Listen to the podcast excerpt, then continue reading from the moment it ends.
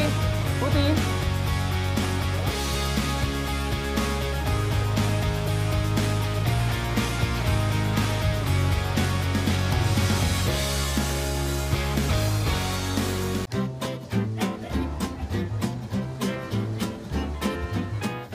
Ada pernah mendengar tentang kura-kura sulcata?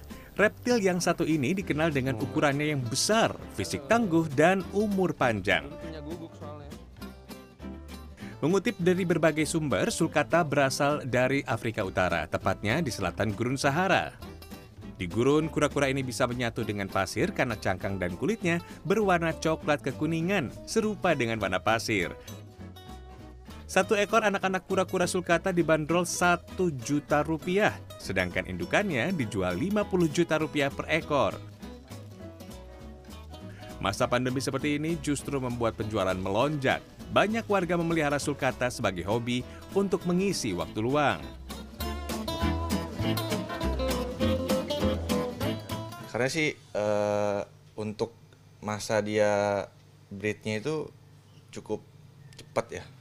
Terus dan juga eh, gampang banget dipelihara daripada kura-kura yang lain. Dan Misalkan? misalkan kayak eh, Indian Star, terus Pardalis itu agak susah dirawat. Meski berasal dari benua berbeda, ketenaran kura-kura raksasa ini sudah sampai ke tanah air. Salah satu tempat pengembang biakan sulcata ada di Jakarta Barat. Ini pagi hari dimulai dari yang hijau-hijau karena kita lagi nyari makan dulu buat si kura-kura. Makan sehari dua kali, kura-kuranya gede, jadi makan harus banyak. Sulcata berasal dari bahasa Latin sulcus. Sulcus berarti alur atau garis yang dalam pada cangkang mereka. Sulcata juga dijuluki spur tortoise karena memiliki taji berbentuk kerucut di paha belakangnya. Ada beberapa yang tidak aktif, nggak mau nyari makan ya, atau nggak mau nyamperin, kita harus gotong. Wah berat pak. Eh berat serius. Aduh. Pak gendongnya bener kan begini? Ini sama beras, beratan dia. Oke. Oke. Aduh, kejepit. Berat. Sulcata bisa bertahan selama beberapa pekan tanpa air dan makanan. Tapi di peternakan, ia diberi makan dua kali sehari agar tumbuh optimal. Nah, mumpung sulcata sedang makan, kita bisa membersihkan kandang. Lanjut, waktunya memandikan kura-kura raksasa ini. Loh, loh, eh kok posisi sulcatanya dibalik, Mas eh? Saya baru tahu kalau kura-kura bisa di terbalikan seperti ini, tapi jangan dibiarin terlalu lama. Apalagi di bawahnya tuh sinar matahari langsung, dia bisa langsung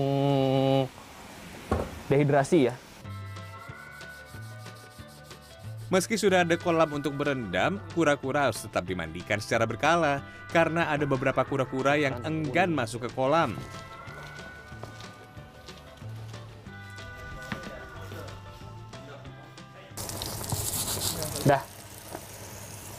Oke, caranya oke. Jangan sampai ngebanting, apalagi sampai ada hentakan, supaya dia tidak merasakan kaget ataupun sakit.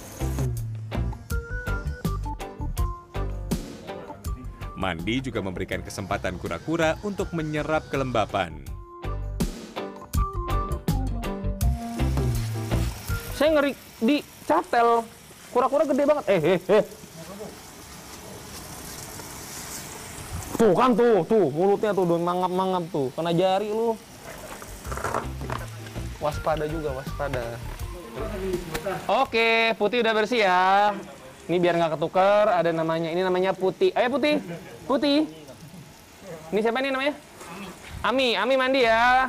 Dah, putih berjemur. Sulkata menempati posisi ketiga sebagai kura-kura terbesar di dunia setelah kura-kura raksasa Aldabra dan Galapagos di Ekuador. Sulcata betina bisa tumbuh hingga 50 cm dengan bobot 60 kg, sedangkan jantan berukuran 80 cm dengan berat 100 kg.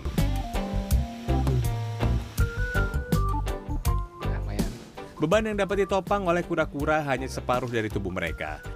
Meski terlihat raksasa, berat cangkang ini hanya 30% dari beban tubuhnya, jadi jangan diduduki ya. Ada satu penyakit yang kerap menyerang kura-kura sulcata, pilek. Penyakit ini membuat sulcata menjadi lemas, enggan makan, dan bisa berujung pada kematian.